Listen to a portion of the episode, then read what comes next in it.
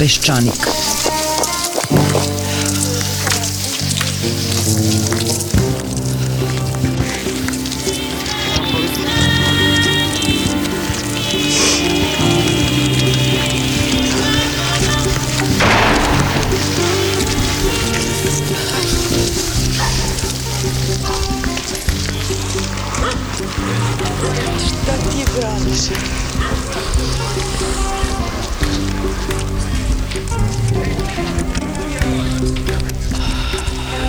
Peščanik.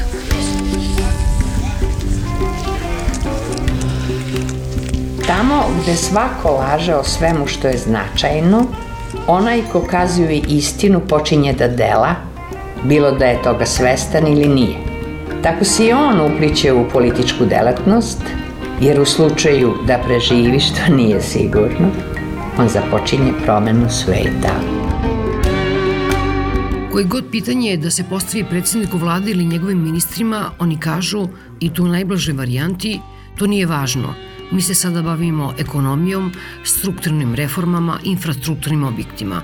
Ukratko, boljim životom za sve građane, pa i za one koji nas zlonamerno ometaju u tim velikim rabotama. A onda, skoro nezapaženo, prolaze vesti da već za 2-3 meseca MMF-u moramo da kažemo kako smo smislili da rešimo problem nenaplativih bankarskih zajmova, a prema Narodnoj banci Srbije takvih je 3,6 milijardi evra. Pa onda saznajemo da su železnicama Srbije, koje se raspadaju, kao što svi znamo, međunarodni kreditori odobrili više od milijardu i 200 miliona evra zajmova, a da je povučeno jedva 10%. Neiskorišćeni su zajmovi koji su odobreni skoro pred jednu deceniju. Umesto da se država trese od ovakvih stvari, mi smo iskoristili Šešelja da opet vrisnemo na Hrvatsku – Na stranu bedne odluke Haškog suda u slučaju Šešelj, ali to što je povodom zahteva da se Vojvoda vrati u Hag izgovorio novi Vučićev miljenik Aleksandar Vulin, koga je u oči izbora izvukao ispod nekog kamena, prevazišlo je sve granice i pristojnog i normalnog. Haški sud jednom rečiju, kaže mlađani Vulin, koristi Šešelja da bi srušio Vučića i njegovu vladu. Kao što je nekada Boris Tadić glumio bratstvo i jedinstvo sa predsednicima susednih država, a njegov pulen Vuk Jeremić na njih lajao, tako je sada i Vučić zadužen za konstruktivan dijalog sa susedima, a Vulina onda pusti slanca da te iste susede vređa kad god otvori usta. O najnovijem srpsko-hrvatskom diplomatskom ratu razgovarali smo sa novinarom i publicistom iz Zagreba Marinkom Čulićem.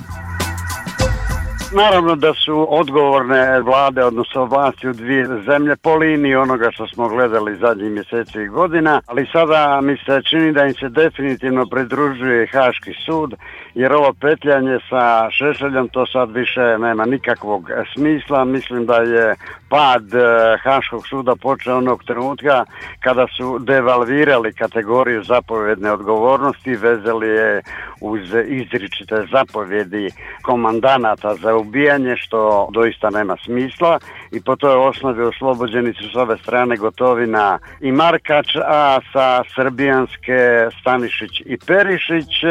Spekulira se čak da se ovo petljanje sa Šešeljem događa jer bi i on mogao doći pod bonite tog ublaženog shvaćanja zapovjedne odgovornosti, pa im se to baš ne da, pa ne znaju šta da rade i tako dalje i tako dalje. U saopštenju vlade Hrvatske pominje se naravno paljenje zastave Hrvatske, međutim uh -huh. pominje se takođe i da su uvredljive izjave visokog zvaničnika srpske vlade gospodina Aleksandra Vulina. Pa objektivno one stvarno jesu. Ja ne kažem da iz Zagreba nije došlo povoda za reakcije, pa još treba, ali ovo je prešlo neke neke granice. Mislim da ono ispada izvan kodeksa elementarnog diplomatskog diskursa. U ostalom, premijer Vučić je najavio da će nazvati Milanovića i čini mi se da je jedan od smislova toga da se ublaži i Vulinova prežestoka retorika. Za nas je ovde zanimljiva ta igra koja se vodi inače dobar i loš policajac, mada je rekao premijer Vučić da će nazvati Milanovića, zapravo i paralelno sa time jako hvali gospodina Vulina kako je najbolje od svih shvatio o čemu se to radi, a da se radi naravno o rušenju vlade Srbije i njega lično? Pa i u tekstu koji je, u autorskom tekstu koji je Vučić objavio u politici prije dan, dva, govori se da je smisao svega ovoga pritisak na njegovu vladu, pokušaj da se natjera na sankcije prema Rusiji koje nemaju pravnog osnova i doista i nemaju jer Srbija nije članica Evropske unije.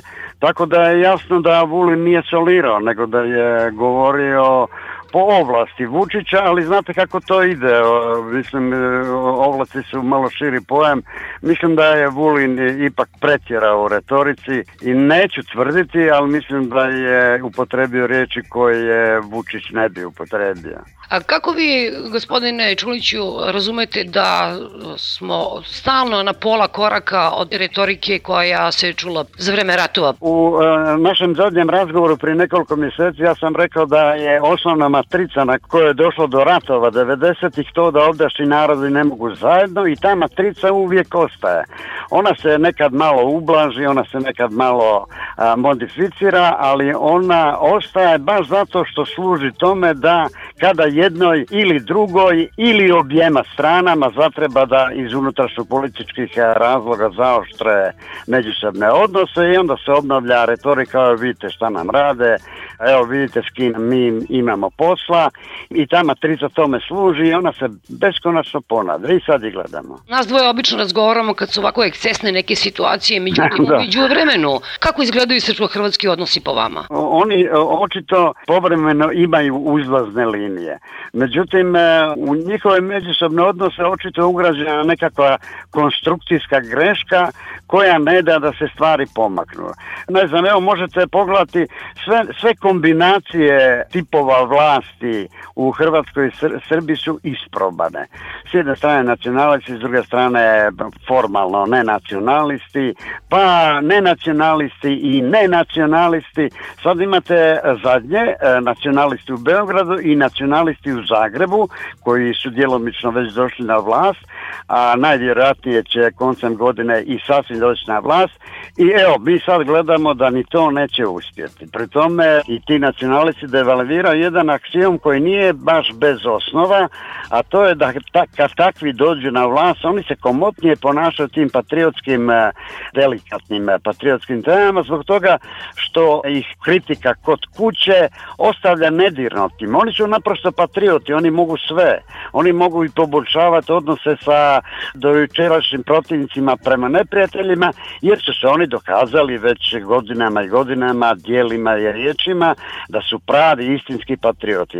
E sad ove sve e, trenutne vlasti u Srbiji i Hrvatskoj uništavaju i, i jezgro tog nekakvog aksioma kome govorim o tim patriotima cijepljenim od a, većih patriota od sebe. Da li biste mogli da mi napravite neko poređenje između uh, odnosa koji su imali bivši predsednik Tadić, ne samo kao predsednik, on je tada bio i predsednik vlade i sve, kompletna vlast u Srbiji, da, da. sa svojim partnerima, pre svega sa Ivom Josipovićem i sadašnji odnosi vlasti Srbije i Hrvatske? Pa to je isto dosta važno, jer ovi sadašnji incidenti između Beograda i Zagreba donekle rehabilitiraju Tadića i Josipovića, koji su imali dobre ceremonijalne, čak i predobre, tu je bilo previše srdačnosti ovoga, onoga, gotovo pa ljubljenja, ali su bile neproduktivne sa stanovišta praktičnih pitanja od ovoga što se cijelo vreme obnavlja, pitanje nestalih, pitanje granica, međusobnih obeštećenja za konfisciranu imovinu i tako dalje. Međutim, ti su odnosi barem bili pristojni, a ovi sada više nisu pristojni, oni ispadaju iz nekakvog e, kolosijeka, nekakve elementarne diplomatske uviđavnosti, a istovremeno ne rješavaju pitanja kojima sam sad govorio, tako da je to čista pat pozicija. Onda ste barem imali pristojne odnose koji su startna pozicija za moguće napredak i u ovim konkretnim nerješenim pitanjima. A kad se sve zablokira kao sada, onda vi ne vidite više perspektivu. Kad ste pomenuli ta konkretna pitanja, to je nevrovatno da Srbija još uvijek nema ambasadora u Hrvatskoj. Naravno, to nije jedini način na koji bi mogli da se pokrenu ta pitanja koja su nerešena, koje su konkretno, kojima više niko ne govori, a to je pitanje granice na Dunavu. Ja verujem da ogroman broj građana Srbije uopšte ne zna da postoji taj problem nestalih... To je isto i ovde. Kad se aktivira, onda odjedan put svima o tome čvrstava, nikom nema pojma o čemu se tu zapravo radi. To je pitanje gdje povući granicu, da li sredinom rijeke ili ne. Rijeka je neposlušna, ona mijenja tok i tako dalje. Gotovo je jedna malo parodična situacija. I na kraju, gospodine Čuliću, sami ste napomenuli da postoji velika šansa da HDZ kompletno dođe na vlast, tako da kažem, a ne samo preko svoje da. predstavnice na mestu predsednice Hrvatske. Šta onda može da se očekuje i ovde u regionu, a i kod vas u Hrvatskoj? Pa, nažalost, e, postoji ovde jedna usporednica, tako je napravio Sanader kada je došao na vlast, međutim, postoji jedna bitna razlika, to je bio jedan silovit, ali kratko je traje nacionalistički juriš koji je kulminirao na poznatim zbivanja Splitskoj rivi. E, ovo sad predugo traje, ovo traje godinama i ovdje je vidljivo da se Karamarko okružio ljudima koji su identičnog profila, ako ne i gorega od njega, za razliku od Sanadera, koji je tu ipak bio probirljiviji i sasvim je moguće pretpostaviti da i to okruženje Karamarku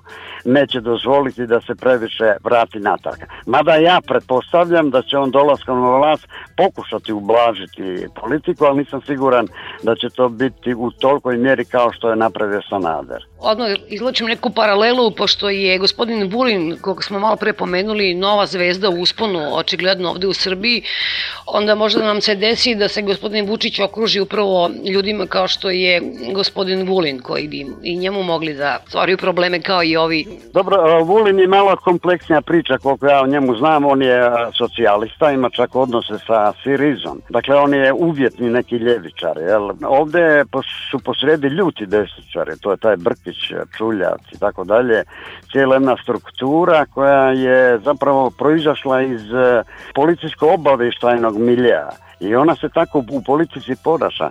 Tako da trenutno HDZ izgleda kao nekako političko krilo neke obaveštajne policijske službe. To se malo teže mijenja, to nije lako.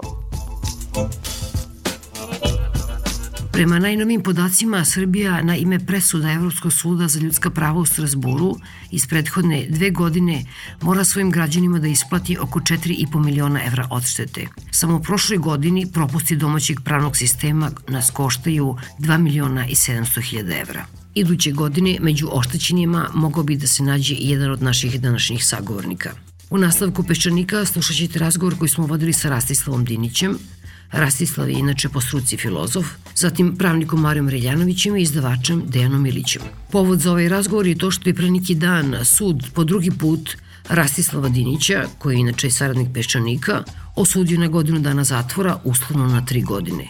Zbog čega, objasnit će vam na samom početku Dejan Ilić, a potom ćete čuti Marija Reljanovića i na kraju samog Rastislava Dinića. Konkretno u ovom slučaju moramo da se vratimo nekih šest godina unazad, Stižemo tako do 17. septembra 2009. kada je u Beogradu ubijen francuski mladić Brista Ton. Ubila ga je grupa navijača i oni su svi bili osuđeni na dugogodišnje zatvorske kazne. Te kazne su kasnije bile praktično prepolovljene Time bi zapravo trebalo da je stavljena tačka na taj slučaj. Međutim, svako malo se u javnosti pojavljivao nekakav pokušaj da se cela stvar vrati na početak, da tim ljudima bude ponovo suđeno, jer navodno oni nisu, ceo postupak nije bio pravedan prema njima. I u tom kontekstu se sredinom 2012. pojavljuju Boris Malagurski i Ivana Rajović i snimaju dokumentarni film koji se zove Pretpostavka pravde. I oni zagovaraju četiri, ja bih rekao, vrlo neobične teze u tom filmu. Brane te četiri teze, kažu da je reč bila o običnoj tuči navijača. Nije bila nikakva želja tu da se tu ne znam nešto strašno, i to navijači se normalno tuku i eto. Druga stvar je da francuski mladić sam skočio preko ograde. Nikoga nije bacio, nego je on sam skočio jer nije video tu rupu ispod. Međutim, ni to nije njega koštalo glave. Glave su ga koštali nemarni doktori koji su ga pogrešno lečili, Iz svega toga oni izvode tu poslednju i ključnu tezu da su svi ti mladići, odnosno navijači, bili prestrogo osuđeni i da bi zbog toga trebalo ceo postupak vratiti na početak. Dakle, direktno se ide protiv pravosnažne presude i negira se njena opravdanost i traži se, dakle, da se cela stvar vrati na početak. E sad, na te teze reaguju ljudi na forumu koji se zove parapsihopatologija njih 12, ako se ja ne varam na tom forumu, je krenulo da komentariše film. I njih su pogodile ove teze. Naravno, pogodili su ih tako da su oni psovkama izrazili svoje mišljenje o tim tezama, ali koliko sam ja uspeo da razumem, oni su prvo negirali svako od ovih teza i drugi zahtev su ka, a, koji su postavili bio je da se zna, da se kaže vrlo jasno ko je finansirao taj film. Tu se aludira na šta? Pa da su zapravo ljudi koji su osuđeni i njihova rodbina, da su oni platili da se snimi taj film i da je film zapravo bio neka vrsta javnog pritiska na sud da obnovi ceo proces i na to su i oni teli da skrenu pažnju. E sad, malo posle toga, Malagurski Rajović na neki način budu obavešteni šta se događalo na tom forumu i oni podnose krivičnu prijavu i kažu da su oni te psovke pročitali zapravo kao pretnje po njihov život. Tu krivičnu prijavu su podigli protiv 12 osoba.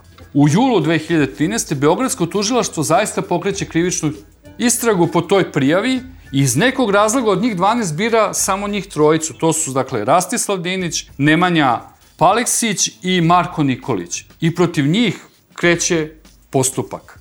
U martu 2014. sva trojica bivaju osuđena.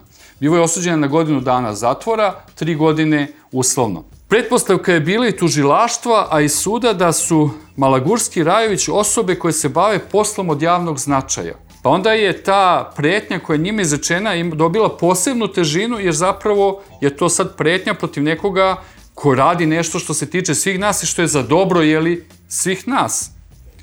I ta je presuda doneta, dakle, u martu, da bi u avgustu 2014. ona bila oborena. I onda imamo, nedavno smo imali pre par dana, smo imali to ponovno suđenje i mislim, ja ću sad sebi dati slobodu da prepričam kako je to izgledalo, Tamo sam bio i to ovo su moji utisci. Sudija je a, objasnila da se postupak mora da se ponovi ne zato što je napravljena neka greška u samom postupku ili zato što nisu uzeti u obzir potrebni dokazi ili zato što je jeli Malagurski, zato što su Malagurski i Rajović bili pogrešno jeli, identifikovani kao osobe koje se bave poslom od javnog značaja kao novinari, nego je zapravo u samoj presudi napravljen nekakav tehnički propust i zbog toga je to sve vraćeno ponovo na suđenje, a propust nije čak napravila ni sudija, nego su napravili njeni pripravnici. I ona kaže, moji pripravnici su napravili grešku, ali to je isto kao da sam ja napravila grešku, evo mi sad moramo sve isto. I ona žena stvarno uradi sve isto. Stvarno je pomalo neobično da u Srbiji vi psovku tumačite kao pretnju po život onda bi svaki građanin Srbije morao da odgovara po nekoliko puta jer je jeli, nekome uputio pretnju po život. Dakle, ovde je psovka, nažalost, deo nekakvog svakodnevnog razgovora. I bukvalno su psovke uzete kao dokaz da su oni jeli, uputili pretnju po život Malagurskom i Rajović. Mario će to reći, postoji to neko, valjda, pravilo da sudija objasni moralnu pouku svoje presudi. I ona je na kraju rekla, znate šta, ovaj prostor jeli, na kom ste se vi oglašavali, on nije baš pravno uređen. To je neka malo siva zona. Ali znate, to je ipak nekakav javni prostor i mi moramo da vodimo računa kako se vi tu ponašate. I vi se stvarno niste ponašali dolično i evo ja želim ovom svojom odlukom da skrenem pažnju kako bi tu morao da se uvede nekakav red. Ako je ona sebi dala za pravo da nam drži neku moralnu pridiku i da na osnovu toga donosi nekakvu odluku, onda je onda zapravo morala da vodi računa i kako se sama odnosi prema celom tom događaju. Ona će sve vreme tokom suđenja govoriti da je to film o stradanju Brisa Tatona. Prvo, to nije film o stradanju Brisa Tatona, to je film o ubistvu Brisa Tatona i postoji pravosnažna odluka da je ta osoba ubijena. Nije stradala, ubijena je i rečeno je ko je ubio. Drugo, čak i da uzmemo da je to recimo nekakav terminološki terminološka neprecizna. To nije film o stradanju Brisa Tatona. To je film koji negira odgovornost ljudi koji su ubili Brisa Tatona, negira njihovu odgovornost za tu smrt. Dakle, to nije film o žrtvi, to je film o, obic, o ubicama koji negira da su ubice ubice. Dakle, ona je napravila jedan potpuni zaokret u celoj priči i jednu stvar koja je negiranje zločina, predstavlja kao zapravo film koji odaje nekakvo poštovanje žrtvi. Osobu koja negira zločin proglašava za osobu koja se bori za istinu. Čovjek se stvarno zapita šta se ovde dogodilo. Kako je ovo moguće? Kakav je moguć ovaj preokret? On je moguć, ja bih rekao, na dva načina. Prvi način ima veze sa uopšte time kako je taj postupak vođen. Sudija je dosledno odbila da uvrsti u dokaze sve ono što osvetljava kontekst tog događaja. Sudija je odbila da postavi pitanje ko je finansirao taj film. Sudija je odbila da se informiše o tome šta je sadržaj filma. I nije htela da uzme u obzir čitave uh, segmente tih rasprava na forumu, nego je samo tretirala pojedinačne rečenice u kojima se pojavljuju te psovke. Dakle, potpuno istrgla stvari iz konteksta, pogrešno interpretirala kontekst i donela odluku koja nema nikakve veze sa realnim stanjem stvari. Ono što je jedan širi kontekst u kome se to događa i za koji ja mislim da je takođe važan, to što je sudija uradila, to je zapravo ono što mi živimo poslednje tri godine. Mi imamo na vlasti ljude koji kažu da je svet nastao, da se veliki prasak dogodio 2000. godine. Pre 2000. godine nije postojalo ništa. Od 2000. godine na ovamo mi smo imali vlast koju propastila Srbiju. I evo sad su oni došli tu da spasu što se spasti može. Mi smo došli u situaciju da na 2015. godine ljudi koji su razorili državu 90-ih sada pričaju priču i optužuju neke druge da su zapravo razorili državu, a oni nam se pojavljuju kao spasitelji. I to je vrlo slična zamena uloga, ovoj zameni uloga koja se dogodila na ovom suđenju.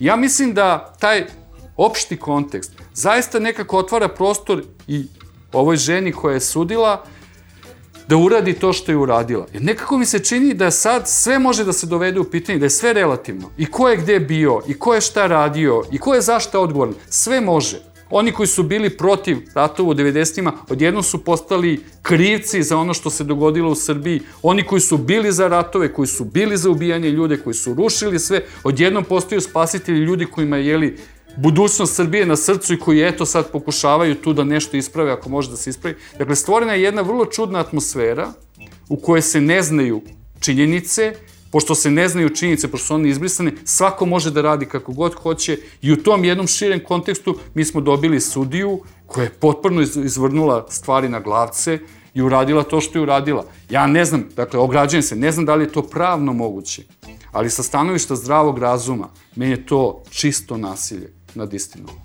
Jeste da je ovo jedna siva zona u kojoj se sudska praksa tek formira, u kojoj se tek kriterijumi formiraju i čini mi se su kriterijumi pošli jako jednim opasnim putem. Ja bih pročitao iz krivičnog zakonika Republike Srbije taj član 138 ko ugrozi sigurnost nekog lica pretnjom da će napasti na život ili telo tog lica ili njemu bliskog lica kaznit se novčanom kaznom ili zatvorom do jedne godine. Ko delo iz stava 1 ovog člana učini prema predsedniku Republike, narodnom poslaniku, predsedniku vlade, članovima vlade, sudi Ustavnog suda, sudi javnom tužiocu i zamjeniku javnog tužioca, advokatu, policijskom službeniku i licu koje obavlja poslove od javnog značaja u oblasti informisanja u vezi sa poslovima koje obavlja, kaznit će se zatvorom od 6 meseci do 5 godina, znači kvalifikovani teži oblik ovog krivičnog dela. Sad, šta je čudno u celom ovom slučaju?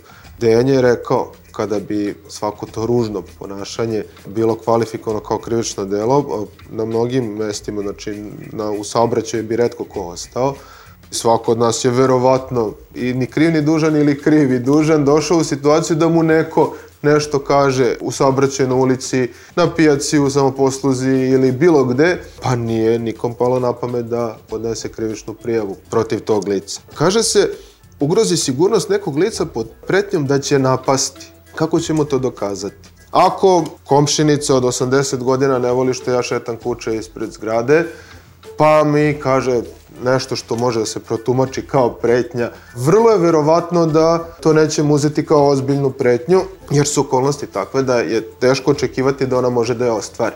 Ako to kaže neki komšija od 2 metra, 120 kila koji trenira judo i koji me pritom malo protrese, to već može biti veoma ozbiljna pretnja, jer je licem u lice, jel tako, desila se, nije za ne očekivati da će sledeći, potići, sledeći put otići korak dalje.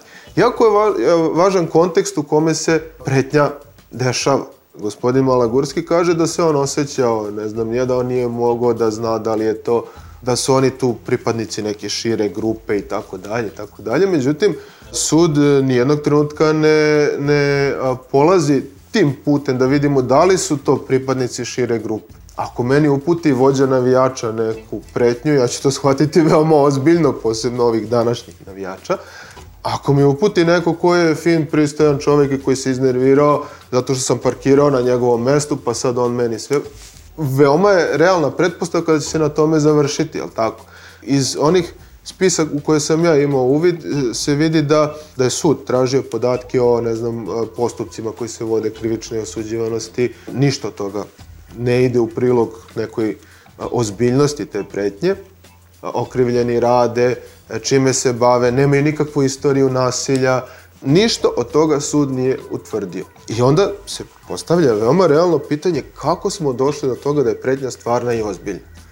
Meni je nejasno zašto sudija nije uzela u obzir ceo kontekst tog razgovora na forumu. Postoji veoma ustaljena praksa povodom kršenja člana 10 Evropske konvencije ljudskim pravima, gde je Evropski sud rekao da, ok, svakom se omakne u toj diskusiji neka psovka, nešto što je vulgarno, ružno, pa čak i može da se protumači kao prednje, ali ne može da se vadi iz konteksta. Ako vi sa nekim se dopisujete sat i po vremena i na kraju pukne film i nešto kažete ružno, to neće biti isto kao da nabavite, ne znam, broj telefona ili adresu toga i onda mu pošaljete praseću nogicu i, ne znam, neku uvredljivu poruku i kažete ti si sledeći. I tu je sud veoma jasan Država mora dokazati da je govor stvarni poziv na nasilje, a ne samo nasilni odlomak u nekom širem kontekstu. Baš taj nasilni odlomak je, čini mi se, ovaj ovde primenjen i jedino uzet kao relevantan i pored toga što je odbrana tvrdila da treba da se iščita sve ono što, što je tada bilo napisano i rečeno. Onda sud prihvata, odnosno prvo tužilaštvo tako kvalifikuje, pa prihvata da je gospodin Malagurski javna ličnost, odnosno lice koje obavlja poslove od e, javnog značaja u oblasti informisanja. Ono što je e, zanimljivo jeste da time sud ne čini nikakvu uslugu e, gospodinu Malagurskom, odnosno ne postavlja okrivljenju u teži naprotiv. Jer javna ličnost prema veoma dobro utemeljenoj praksi Europskog suda za ljudska prava treba da trpi da mora da istrpi još žešće napade, a ne, ovde je primenjeno tako samo da se dođe do težeg oblika dela. Ja sam pročitao jednu uh, izjavu, uh, mislim da je to gospodina Beljanskog, on je to izvukao zapravo iz, iz te neke sudske prakse, uh, šokantni politički stavovi stvaraju šokantnu reakciju javnosti. Naročito na to moraju biti spremne javne ličnosti. Evropski sud za ljudska prava kaže da ta upotreba oštrijeg, provokativnog jezika, čak kad i on vređa, šokira ili uznemirava, ako se njime tretiraju pitanje od javnog interesa, nije nedozvoljena. Konačno, bez obzira da li je taj forum otvoren ili zatvoren, nije realno očekivati i ne može se smatrati medijem.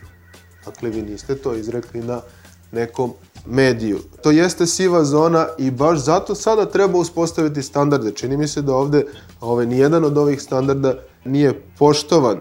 Mi živimo u državi u kojoj se vodila žestoka kampanja da novinari ne odgovaraju na pozivanje i na ratno huškanje jeli tokom 90-ih. I mi smo videli odlučne istupe raznih ljudi koji su rekli zašto bi novinari odgovarali, oni nisu ništa uradili. Vi imate snimke gde su ljudi pozivali i da se uzme oružje u ruke i da se sveti. Sve to postoji. I onda su ljudi rekli, ali to ne može.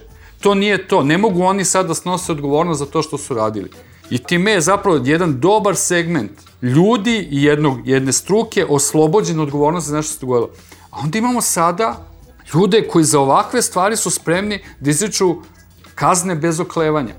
I meni taj jaz, taj nesklad, taj raskorak između nečega što smo svi proživeli i videli i nečega što se sad događa, mene to zbunjuje.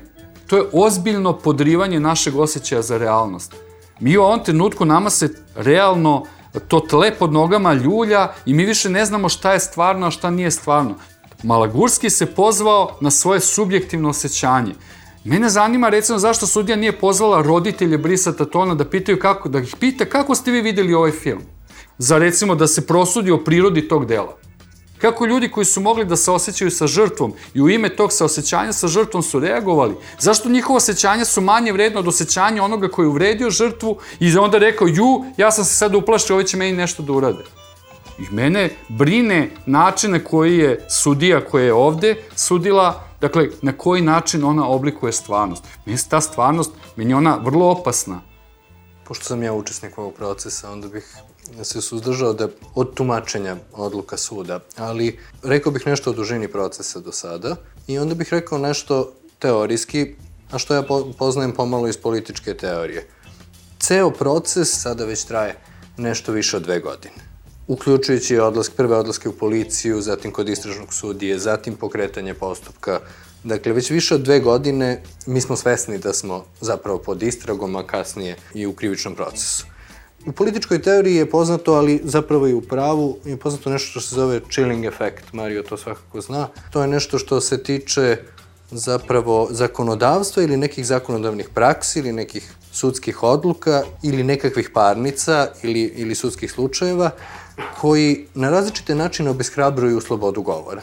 Oni ne moraju da neposredno od nekome da ograničavaju slobodu govora, ali obeshrabruju kod drugih slobodu govora i zapravo šira jednu vrstu straha kod ljudi da upotrebe svoje legitimna prava da se izraze.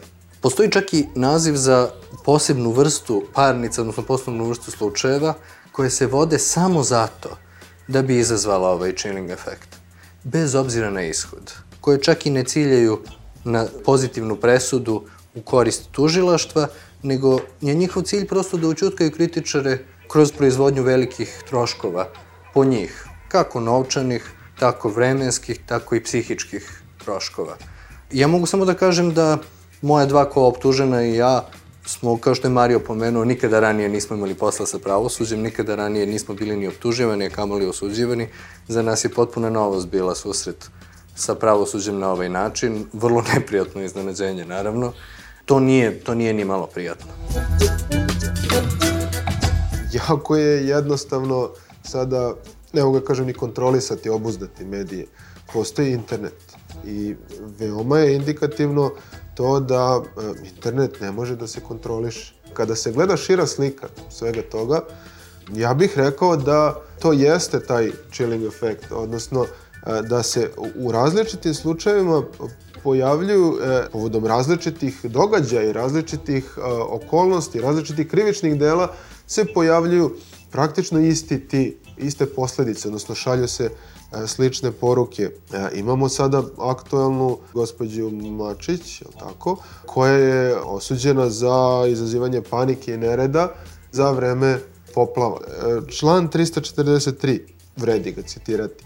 Ko iznošenjem ili pronošenjem lažnih vesti ili tvrđenja izazove paniku ili teže narušavanje javnog reda ili mira i tako dalje kaznit će se zatvorom od 3 meseca do 3 godine. Ako je delo iz stava 1 učinjeno putem sredstava javnog informisanja ili sličnih sredstava ili na javnom skupu, učinilac će se kazniti zatvorom od 6 meseci do 5 godina. Ja bih samo pročitao nekoliko izjava koje su izrečene na RTS-u. Imamo značajne žrtve, misli se na Obrenovac. Katastrofalna i kataklizmička situacija u Obrenovcu. Ono što nam predstoji je još gore od onoga što smo imali. Ono što nam dolazi iz Bosne je jezivo. Primenjujemo ratne mere. Sve ove izjave je rekao premijer Vučić na sednici vlade na RTS. Ako ovo nije biće ovog krivičnog dela iz 343, onda ne znam šta je. I pritom smo svedoci da je različita štampa u to vreme na naslovnim stranama predstavljala razne montirane ili kakve god slike sa hiljadama leševa koji plivaju u Obrenovci i tako dalje. E, niko od njih nije odgovarao, ali smo mi našli da neki ljudi su prešli tu granicu na, ne znam, Facebooku ili negde drugde, to se ne smatra medijima, ja još jedno samo da ponovim, i onda smo njih zatvorili, neki od njih su i procesuirani protiv svakom zdravom razumu, to je najblaže rečeno selektivna primjena, je tako? Meni je e, simpatično bilo na Facebooku, sam našao pre par dana kao screenshot, a, aktivista e, Srpske napredne stranke preti administratoru zatvorene Facebook grupe. Kada bi se sad svi mi sakupili, otišli po fanu i nešto pričali, to je to. Dakle, zatvorena je da će snositi posljedice administrator grupe ukoliko ne izbaci iz grupe člana koji vređa premijera Vučića. Možemo da kontrolišemo razne diskusije, komentare na različitim medijima, ako idemo na Blitz, B92 ili neke viđenije medije, onda imamo hiljadu botova koji rade, imamo razne računarske programe, imamo ljude koji to organizuju, imamo one fizičke botove, jel, stvarne, koji to nešto pišu i stvaraju neko lažno kreiraju neko lažno javno mnjenje, odnosno kreiraju nešto. Druga stvar, kad pričamo o tim krivičnim delima koja se mogu dogoditi na internetu, jel?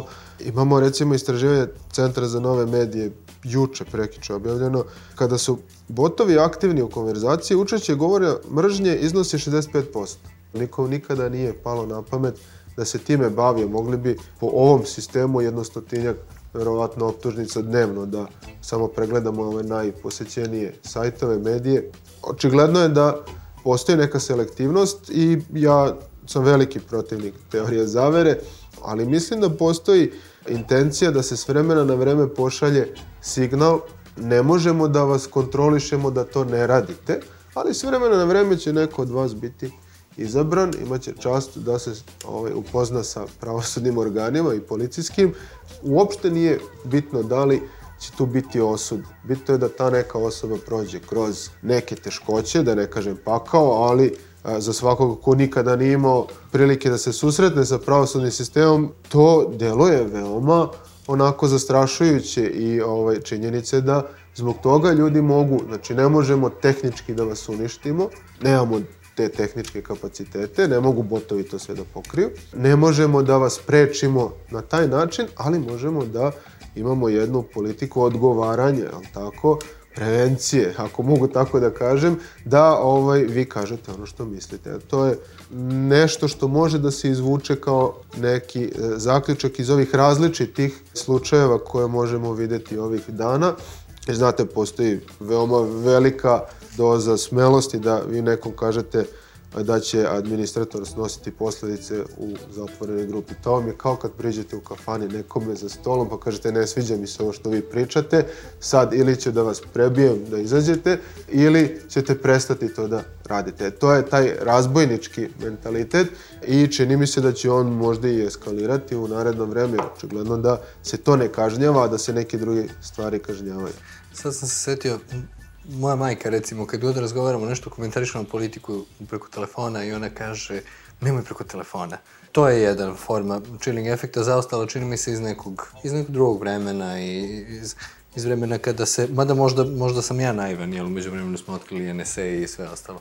Ali chilling efekt funkcioniše na sličan način. Dakle, neko će, eto, hteti da napiše neki komentar ili da napiše, ali onda će se setiti nekog slučaja ka, za šta se sve odgovara i budući nesiguran oko toga kako će se protumačiti njegov komentar i šta sve zapravo spada u slobodu govora, a gde počinje krivična odgovornost, gde počinju ograničenja slobode govora, on će odustati od toga. Bolje ne preko telefona, bolje ne preko komentara, u stvari uopšte bolje ne. I meni se čini da je to pravi chilling efekt.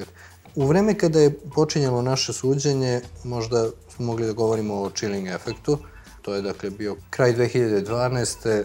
A sad čini mi se da imamo deep freeze, već deep freeze efekt u javnosti. Ja mislim da, da sve ovo o čemu su Mario i Rastislav govorili, tu postoji još jedan dodatak koji čini mi se veoma bitan. Sećate se kako je bilo za doktorate? Ja sam to prelistao i zaključio da nema plagijata. Do dana današnjeg stoji ta tvrdnja da nema plagijata. I ti se ubi objašnjavajući, ne, on je to rekao dan posle i to važi do dana današnjeg. Ja moram da citiram njegovu izjavu povodom ovog drugog izveštaja koji da, jer stvarno ne mogu, ne mogu da se uzdržim u stvari da to ne prekomentarišem. On kaže ovako, u njima, u tim izveštajima, nema ničeg spektakularnog. Tehničkih propusta je bilo, ali oni nisu bili odlučujući za tragediju. Što se mene tiče, tužilaštvo može da objavi izvešte bilo kada. Ja neću da ulazim u to što on, kao veliki stručnjak za helikoptere, kaže tehničkih propusta je bilo, ali oni nisu bili odlučujući za tragediju. Znači, ovde smo govorili o nekakvim tekstovima, ovde govorimo o ljudskim životima, 7 ljudskih života, i on se na isti način ponaša. On da daje dozvolu tužilaštvu da objavi izveštaj. To je, njega to ne zanima. Neka objave kad doći, pa što ga nisu objavili? Zašto si morao to da izgovoriš uopšte? Dakle, ajmo sve to da ostavimo. Pazi, reč spektakularan. Dakle, njemu sedam smrti nije dovoljno, on bi još i nešto spektakularno. Pa pošto nema ničeg spektakularnog, onda nema veze. Ja sam užasnut izborom reči, jer taj izbor reči jako mnogo govori o sklopu te ličnosti. Koji je to tok misli koji te vodi da upotrebiš tu reč? I pošto nema ničeg spektakularnog, onda ne moramo tim više da se bavimo. Vi imate osobu na vrhu, ta osoba zada pravac, a ovo su sve ostali instrumenti da se taj pravac održava. Kada imate pretenziju da sve znate i da o svemu sudite, onda morate da imate izuzetno jak aparat da neko ne ospori vašu kompetenciju i vaše znanje i vaše odluke. I ja mislim da on taj aparat u ovom trenutku razvija oko sebe. Meni nije jasno zašto ga ljudi poslušno slede, jer mi smo videli kako će to kako se to jednom završili, tako će se završiti ponovo. Tu nema sumnje. Ko god se nade da će ovo dobro da se završi, prosto greši. To je jedna. I druga vrsta je, ja sam imao uvidu informacije i verujte mi na reč. Zašto bismo mi njemu verovali na reč? Zašto je njegov uvid u izveštaj relevantan za moj sud u izveštaju? Pa on kaže, nema tu ništa. Ne verujem ti da nema ništa. Ne verujem ti, hoću da se uverim. Hoću da mi ga, da mi pokažeš izveštaj i hoću da se uverim da zaista nema ništa. I druga stvar koju on pokazuje, sve ovo je posledica tog ponašanja, ovo je sad potpuno fantastičan spor sa Hrvatskom. Ja ću njega da pozovem telefonom. E bre, šta ste vi, drugari iz škole, iz dvorišta, pa vi telefonom rešavate spor od koga bruje dve države. Šta ste vi, najveće baje u kraju, pa se vi dogovarate, kako se vi dogovorite, tako će da bude. I da su to ove države. E ako hoćeš tako da razmišljaš, ako hoćeš da budeš taj neko ko rešava stvari telefonom, onda sve ovo mora da bude u pogonu. Pa vi ste na početku rekli da, da nam se stalno govori kako je ekonomija bitna, a eto sloboda govora i ne znam šta nisu bitni. Na onom klipu, videli ste onaj klip na studiju B gde se pojavljuju botovi uživo ili kako je već bilo, znate o kom se klipu radi, jel, ona demonstracija, gde vrlo je zanimljivo šta oni kažu. Oni ne samo da kažu da je taj protest od, ne znam, 30 ljudi, 40, ne samo da kažu da je on Miškovićev, da je ovakav, da je onakav, nego kažu, mogle su te pare koje su potrošene za taj skup, koje su pretpostavljene nula dinara, da se ulože nekako drugačije u sirotišta, na primjer, ili za humanitarnu pomoć. I to je potpuno ispod radara prošlo, odnosno prošlo bi da se neko nije ovaj, previše potrudio na studiju B, da od toga napravi jedan ovaj, veliki događaj gde građani, slučajni prolaznici, komentarišu, pritom zaista 30-50 ljudi se možda okupilo. Svi oni ponavljaju na jedan ili drugi način ponavljaju istu rečenicu, ovo je, ovo je finansirao Mišković, to je ovo je uperano odmah protiv vlasti, protiv Vučića, protiv naše bolje budućnosti. Sve bi to prošlo tako, to je skandalozan jedan prilog na, na studiju B ovaj, objavljen. E, ali bi to prošlo. E, da neko nije prepoznao te ljude, da, ne znam, slučajna prolaznica se slikala sa Tomom Nikolićem, ti to objavila na Facebooku, da, ne znam, drugi slučajni prolaznik se nije pojavio takođe negde na suđenju žandarmima, a nakon toga to je ono što je potpuno ovaj, dovelo do ludila, je saopštenje Srpske napredne stranke, koje kaže, pa nije ni čudo što su slučajnim uzorkom izabrali troje naših aktivista, jer nas ima toliko mnogo da ne možete na ulici da zaustavite ljude, a da ne izaberete naše aktiviste. Eto, potpuno slučajno se to tako desilo.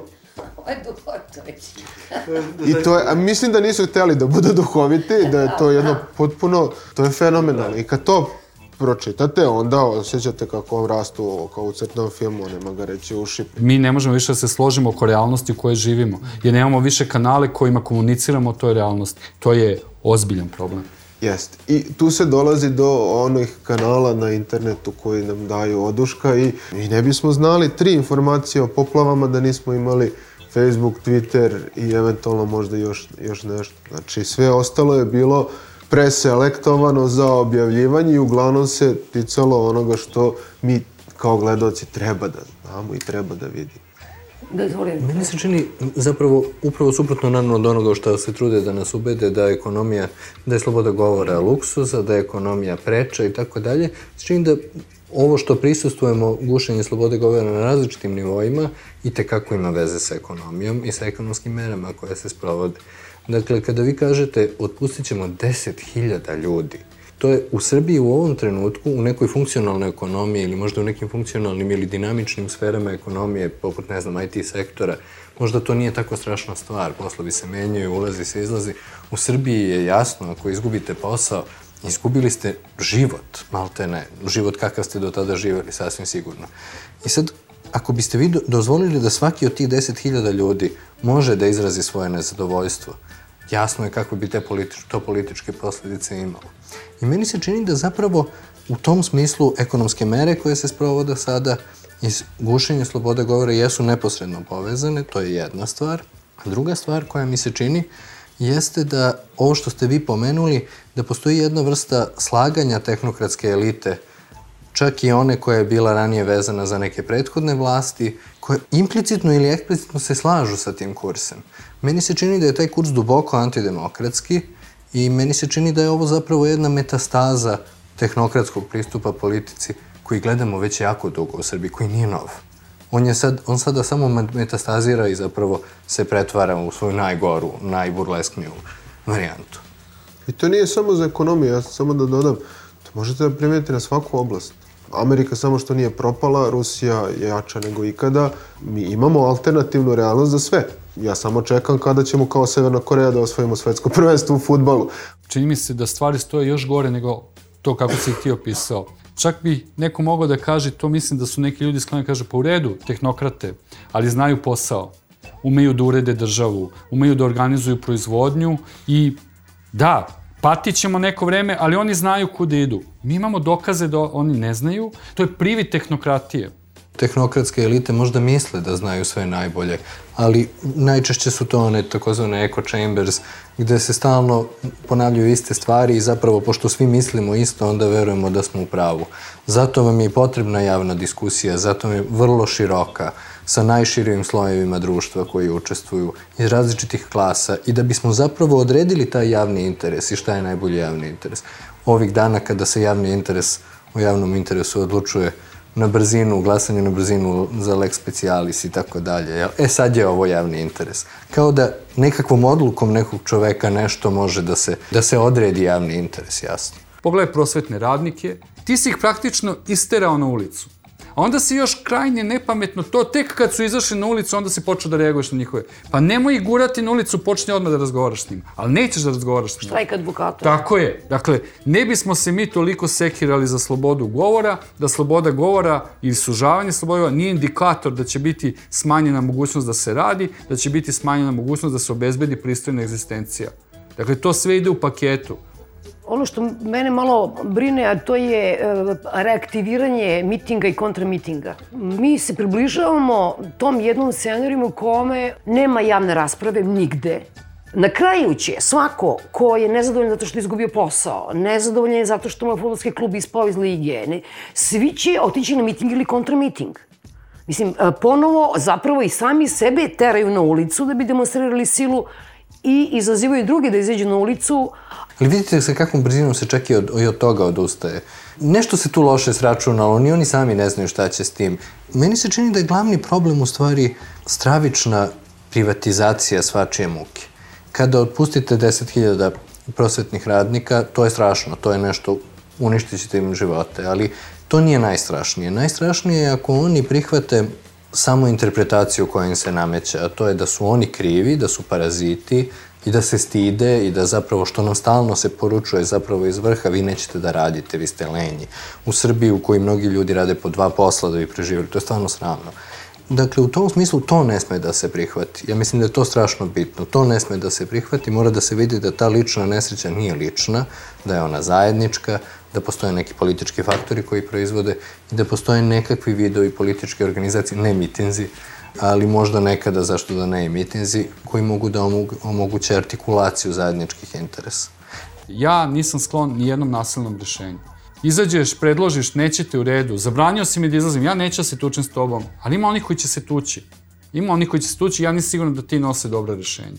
Tebe neko gura izvan sistema, gura te na marginu i da sa margine počneš da vršiš pritisak da bi uredio društvo to nije dobra situacija i te se situacije najčešće razrešavaju nasilno. Ima jedna epizoda Marti Misterije, onaj strip koji je jedno vreme bio jako popularan kad smo i bili klinci. Ima neka epizoda kad se Marti Misterije, istraživač nemogućeg, vraća sa neke avanture po svetu i vraća se u New York i zatekne gomilu nekvih radova na putu, užasan je. Generalno život u Njujorku je nesnosan, leto je neko i tako dalje. A pored toga ima neka gomila ovih turističkih bilborda koji reklamiraju izuzetno jeftina letovanja. I njemu to u startu nije jasno, ali kasnije sazna, kažu mu da zapravo neko preti Njujorku, neki telepata koji će uništiti ceo Njujork i gradonačelnik i ostali ljudi iz vlasti Njujorka znaju da ako proglase ovaj, evakuaciju da će izbiti haos.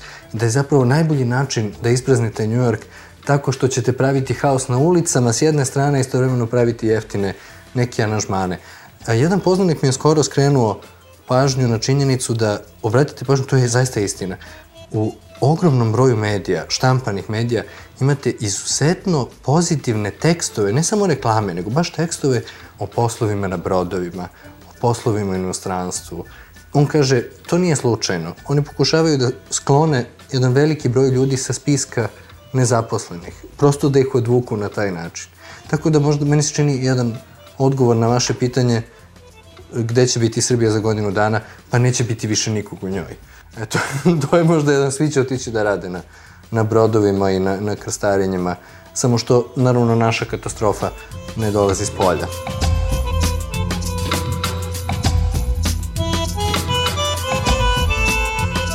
Bio ovo još jedan peščanik, govorili su Marinko Čulić, Rastislav Dinić, Mario Riljanović i Dejan Ilić. Pozdravljaju vas Svetlana Vuković i Svetlana Vukić. Peščanik –